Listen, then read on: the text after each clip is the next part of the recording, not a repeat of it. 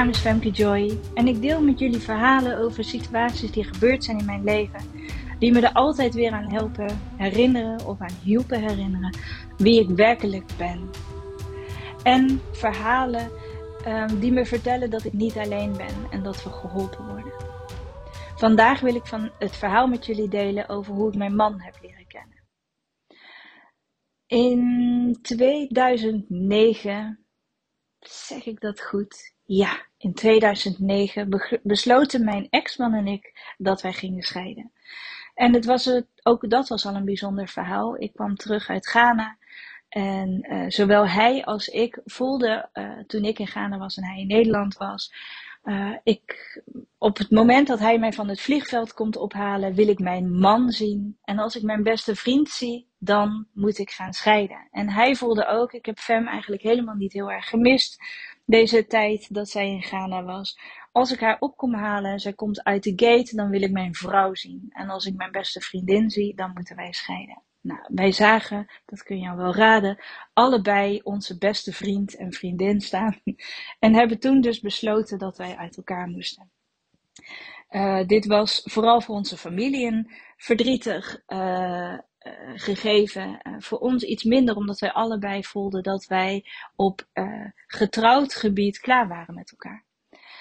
Um, in die periode ben ik nog gewoon thuis blijven wonen. Wij bleven nog zeker een half jaar bij elkaar in huis wonen. En dat ging ook eigenlijk gewoon prima. Tot het moment aanbrak dat ik voelde, ik wil hier weg. En toen liep ik door de straat waar wij woonden, door de winkelstraat. En ik zag boven een raam. En ik had echt het gevoel, dat raam, daar wil ik wonen. En um, ik kreeg op een gegeven moment een telefoontje van een uh, particuliere huurbaas. En uh, die zei: Je kunt gaan kijken uh, op de Putstraat. En um, ik ging een wenteltrap omhoog. eerste deur voorbij, tweede deur voorbij. En ik loop een appartement binnen wat leeg staat. En ik realiseer me door het raam kijkende: dit is het raam waar ik doorheen keek. Nou, dat is synchroniciteit. Op het moment dat ik aangaf, daar wil ik gaan wonen. Uh, een aantal weken later krijg ik een telefoontje van de huurbaas. Goh, er is eerder plek dan we hadden verwacht. Uh, ga maar naar de Putstraat, uh, daarboven, nou, dat en dat nummer. Ik realiseer me totaal niet welk pand ik binnen ga, waar ik uit ga komen. Ehm, en ik draai dus de trap op, een, een, een appartement binnen. En het blijkt gewoon het appartement te zijn waar ik het raam eerder al van had gezien. Nou, op dat moment werk ik in de kinderopvang. Ik ben nog aan het studeren voor integrale menswetenschappen. En ik uh, uh, werk op een uh, buitenschoolse opvang. En ik krijg op een gegeven moment de tip van een andere buitenschoolse opvang van dezelfde stichting. Je, een graffiti workshop is super leuk voor de kinderen. Tien weken lang krijgen ze van uh, vier uur tot uh, half zes uh, anderhalf uur lang tekenles. En daarna gaan ze die tekening die ze samen hebben gemaakt, die gaan ze op de muur zetten. Nou, helemaal super. En toen werd me ook nog verteld dat degene die die workshop geeft echt een hele toffe gast is. Nou, ik, er gaat nog steeds geen belletje rinkelen. Hè? Dus ik zeg, ja, dat is helemaal goed. Laten we die ook voor onze kinderen doen. Um, aan de andere kant staat een Vincent Huibers en die wordt gebeld of dat hij als graffiti-artiest een workshop wil gaan geven in Sittard. Maar hij komt zelf uit Venlo en hij moet dan elke maandag van half vier tot half zes, of van vier tot half zes, naar Sittard toe rijden. Hij krijgt daar niet heel erg veel voor betaald en de kilometervergoeding zit daar ook niet bij. Dus uiteindelijk houdt hij zo'n 20, 30 euro over. En dat betekent ook dat hij de hele dag, de hele maandag lang, geen andere opdrachten aan kan nemen. Want hij moet om half vier in Sittard zijn. Achteraf gezien zegt hij: Ik snap nog steeds niet waarom ik daar ja op heb gezegd. Uh, maar hij zat toen wat verlegen om klusjes. En zei dus ja. Nou, wij weten natuurlijk allebei op dit moment waarom hij ja gezegd heeft. en het grappige is ook nog dat die collega die mij vertelde dat het zo'n superleuke man was die die workshop gaf, niet Vincent als cursusleider uh, had, maar een hele goede vriend van hem. Dus, uh, maar toen die Vincent binnenkwam, toen dacht ik, nou, dit is inderdaad een hele leuke man. Nou, op dat moment um, was ik altijd omringd door uh, zo'n 80 kinderen. En hij durfde mijn uh, telefoonnummer niet te vragen. Nou, ik was ook nog helemaal niet zo dat ik zijn telefoonnummer durfde te vragen. En op een gegeven moment gaf hij aan van, hey, ik kan uh, een andere opdracht aannemen waarin ik meer geld verdien. Dus ik heb een vervanger geregeld en de laatste drie weken zal hij mijn werk hier overnemen en kom ik niet meer. Dus dat was een kleine teleurstelling, maar ik dacht, oké, nou ja, helemaal goed en fijn dat je iemand anders geregeld hebt.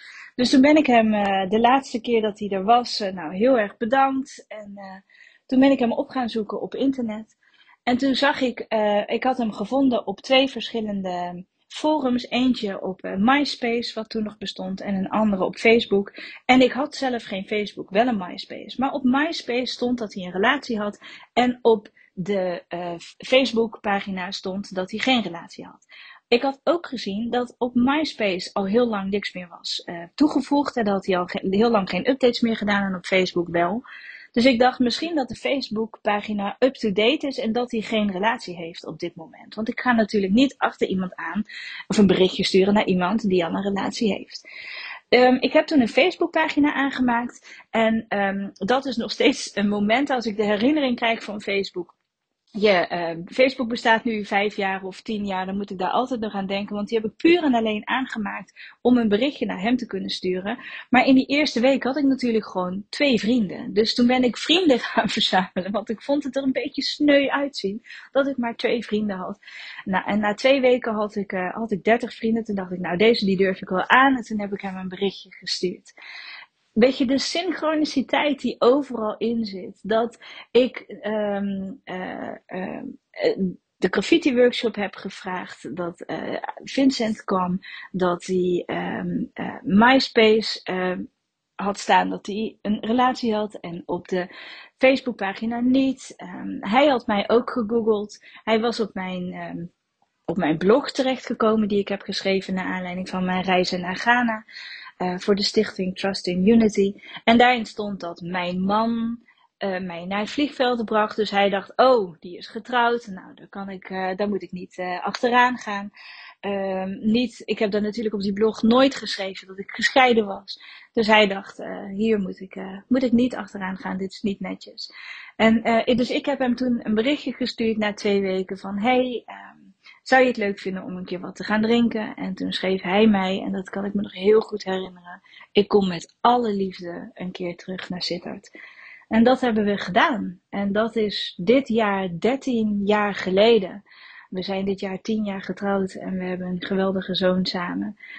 En dat is synchroniciteit, dat is liefde, dat is voor mij het gevoel, um, ik ben niet alleen. Sommige dingen die horen zo te gaan. Um, het idee, we, we, hebben het er vaak over gehad met z'n tweeën. We hebben nu het bedrijf samen.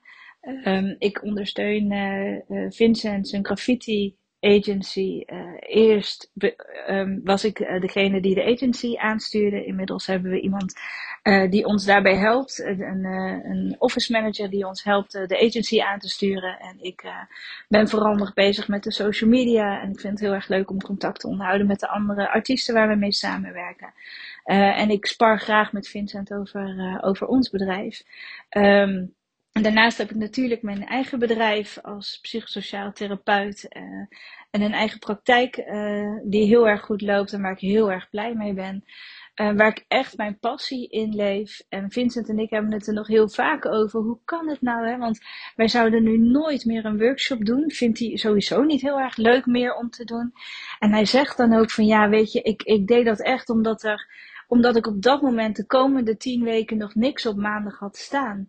Um, achteraf gezien heb ik me vaak afgevraagd waarom ik in godsnaam die, die workshop aangenomen heb voor zo weinig geld en zo ver van, van Sittard en Venlo. En hij zei, ja, ik hield er echt gewoon bijna niks aan over. Uh, alleen een vrouw en uh, onze relatie. En dat is, uh, nou ja, dat is natuurlijk goud waard. Um, dus dat is uh, ja, waar ik echt in geloof. En uh, dat de, de, liefde elkaar vindt. En dat die. Uh, nou, een goede vriend van mij uit Ghana die zegt: God's ways are mysterious. En als je God dan ziet als het universum, als de liefde, dan is de weg van de liefde mysterieus. Ehm, ja, en, en, en ontzettend prachtig. Dus, nou, dit is mijn verhaal over de liefde en hoe het ons zomaar kan vinden als we er niet heel erg op bedacht zijn. Dat je dus soms niet weet waarom je dingen doet, uh, niet van tevoren kunt zien waarom je dingen doet, maar als je je hart volgt, dat je dan op de bijzonderste en mooiste plekken stuit en de meest bijzondere mensen tegen kan komen. Dit was mijn podcast voor vandaag. Uh, vond je hem leuk of interessant? Deel hem dan met andere mensen waarvan je denkt dat ze hem ook interessant vinden. Um, heb je vragen of opmerkingen of wil je ergens op terugkomen? Zoek dan contact met me op. Dat vind ik ontzettend leuk. Um, via mijn socials, praktijk Femke Joy of via mijn website www.femkejoy.nl. Uh, stuur me een mailtje of een WhatsApp bericht. Uh, ik vind het heel erg leuk om over synchroniciteit te praten, over de liefde en over het volgen van je hart. En je ook te herinneren wie jij werkelijk bent. Nou, nog een hele fijne dag.